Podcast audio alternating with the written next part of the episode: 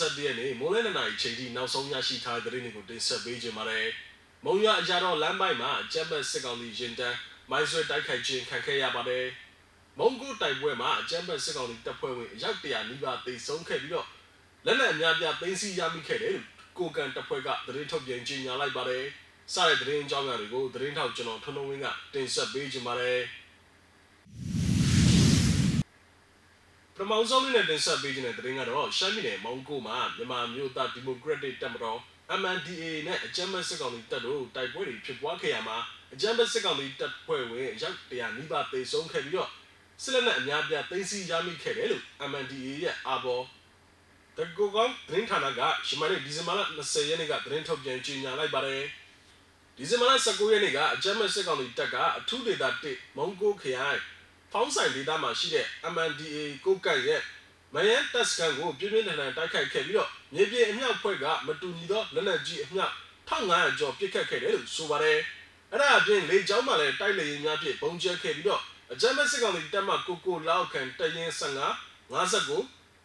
15 89တစ်တစ်သုံးနဲ့တပ်မခွန်ခွန်လောက်ခံတရင်313တပ်များမှလည်းအင်အား900ကျော်စုဝေးခဲ့ပြီးတော့မယန်တက်စကန်ကိုစင်ချိန်ထက်မင်း ထိုးစစ်ဆင်တိုက်ခိုက်ခဲ့ကြောင်းကိုသတင်းထုတ်ပြန်ကြတဲ့မှာပါရှိပါတယ်။ဒီဇင်ဘာလ19ရက်နေ့တနေ့လုံးတိုက်ပွဲတွေပြင်းထန်ခဲ့ပြီးတော့စစ်မြေပြင်မှာစစ်ကောင်စီတပ်သားအလောင်းအများပြပြင်အခြားတန်ရစစ်သား83ကိုမုံကိုမြို့သို့ပို့ဆောင်ခဲ့ပြီးတည်ယူပို့ဆောင်နေစဉ်မှာပဲ3ဦးသေဆုံးခဲ့တယ်လို့ဆိုပါတယ်။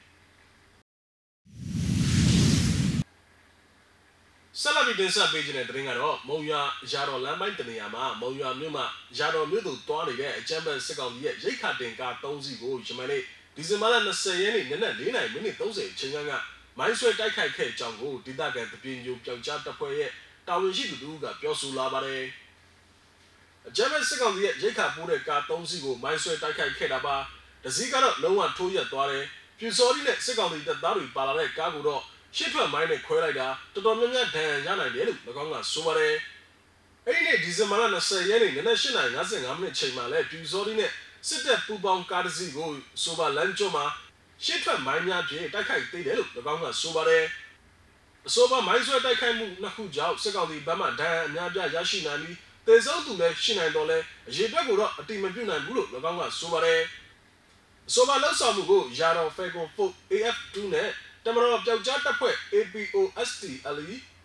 တို့ကဥဆောင်ပြီးတော့တပြင်းမျိုးပျောက်ကြားတပ်ဖွဲ့ Night of the Runland KOR တပ်ဖွဲ့ရာတော်ဘုံ Night PDF ABM PDF Pipek Gurula Commando မြင်းမှု PGC MRTF တပ်ဖွဲ့နဲ့ The Guy of Burma Revolution Force GBR အဖွဲ့စတဲ့တော်လှန်ရေးညီနောင်ရှစ်ဖွဲ့နဲ့ဗရမ ्या ညီနောင်ဖွဲ့တို့ကပူးပေါင်းလှုပ်ဆောင်ခဲ့ခြင်းဖြစ်ပါတယ်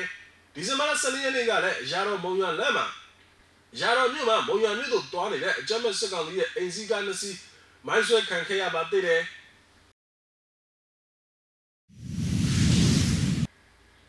နောက်ထပ်အနေနဲ့နိုင်ငံတကာသတင်းတစ်ပုဒ်ကိုလည်းတင်ဆက်ပေးကြပါမယ်။စေးရာကျူးကျော်ဝင်ရောက်မှုများပုံမှုလှုပ်ဆောင်လာချိန်မှာတရုတ်စစ်လေယာဉ်တစ်စင်းကထိုင်ဝမ်ရဲ့လေကြောင်းကာကွယ်ရေးတပ်မစုံ ADIZ အတွင်းသို့ဒီဇင်ဘာလ10ရက်နေ့ကဝင်ရောက်လာခဲ့ရမှာဒီဇင်ဘာလအတွင်းမှာ9ကြိမ်မြောက်ဖြစ်ကျူးကျော်ဝင်ရောက်မှုဖြစ်တယ်လို့သိရပါတယ်။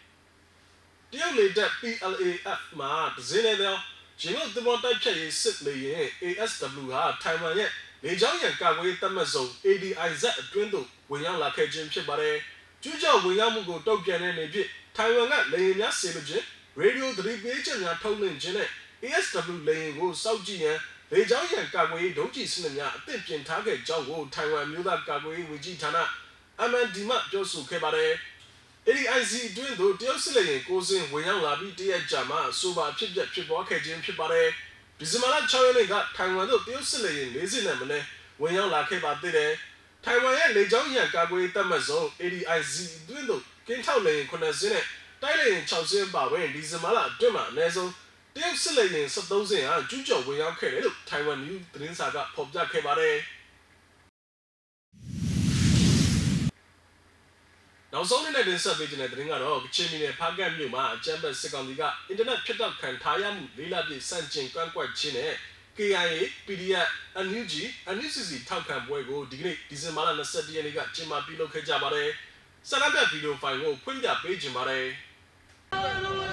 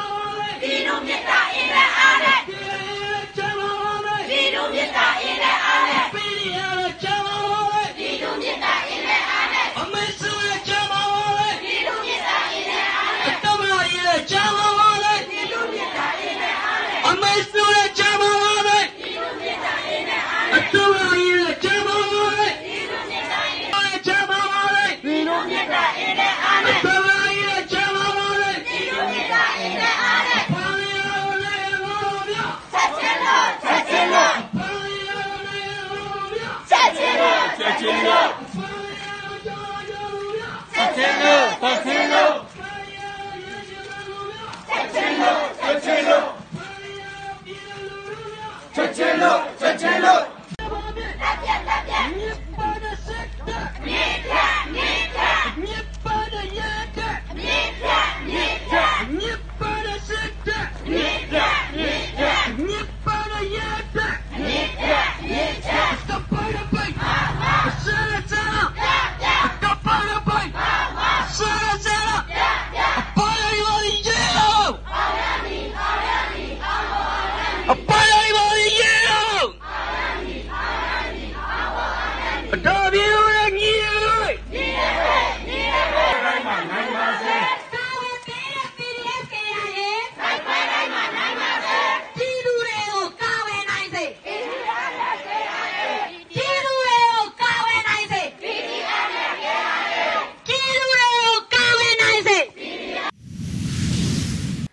ဟုတ်ကဲ့ပါဒီဇင်ဘာလ22ရက်နေ့မိုးလဲနေနိုင်အချိန်ထိနောက်ဆုံးရရှိထားတဲ့သတင်းတွေကိုကျွန်တော်တို့မျိုးစီမှာဝိုင်းတော်သားများကနေပြီးတော့တင်ဆက်ပေးခဲ့တာပါမြန်မာပြည်နယ်မှာနေထိုင်တဲ့မိဘပြည်သူတွေအကုန်လုံးဘေးရန်နဲ့ကင်းရှင်းကြပါစေလို့ဆုမကောင်းတောင်းရပါတယ်လက်ရှိဖြစ်ပေါ်နေတဲ့ COVID-19 ကရောဂါနဲ့ပတ်သက်ပြီးအထူးပြုဆိုင်ကြဖို့ကိုကျွန်တော်တို့မျိုးစီမှာဝိုင်းတော်သားများကတိုက်တွန်းလို့ဆိုခြင်းပါတယ်နောက်ထပ်ရရှိလာမယ့်သတင်းတွေအတူတူကျွန်တော်တို့ပြန်လာခဲ့ပါမယ်